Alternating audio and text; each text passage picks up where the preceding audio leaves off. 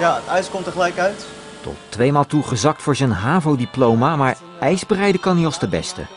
Dus is Mike van Roon in Schiedam zijn eigen ijssalon begonnen. Het vakdiploma daarvoor behaalde hij met gemak. Tussen oude rotten uit het horecavak was hij de beste en... De jongste, ja. Het waren voornamelijk wel wat uh, iets oudere mensen. Die of in een ijssalon werkten of uh, ergens in een restaurant werkten. Dus uh, ik was een van de jongsten. De jonge Schiedammer heeft de fijne kneepjes overigens geleerd in het IJsland. Ik ben naar Italië geweest. Meerdere cursussen gevolgd. Veel, zeggen, veel Nederlanders zeggen eigenlijk dat Nederlanders zijn, beter zijn in ijs maken dan Italianen.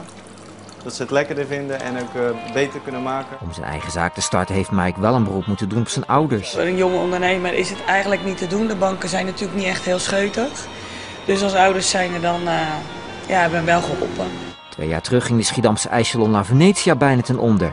Er is volop concurrentie en Mike heeft zich uitgerekend gevestigd aan de Hoogstraat waar grote leegstand heerst. ze zijn op het moment ook heel druk bezig met renoveren overal. Er komen nieuwe zaken en uh, ze proberen wel zoveel mogelijk aan te doen om, uh, om er weer een beetje goed, bij, goed uit Heb je de vertrouwen dat het hier goed komt? Ja, ik wel.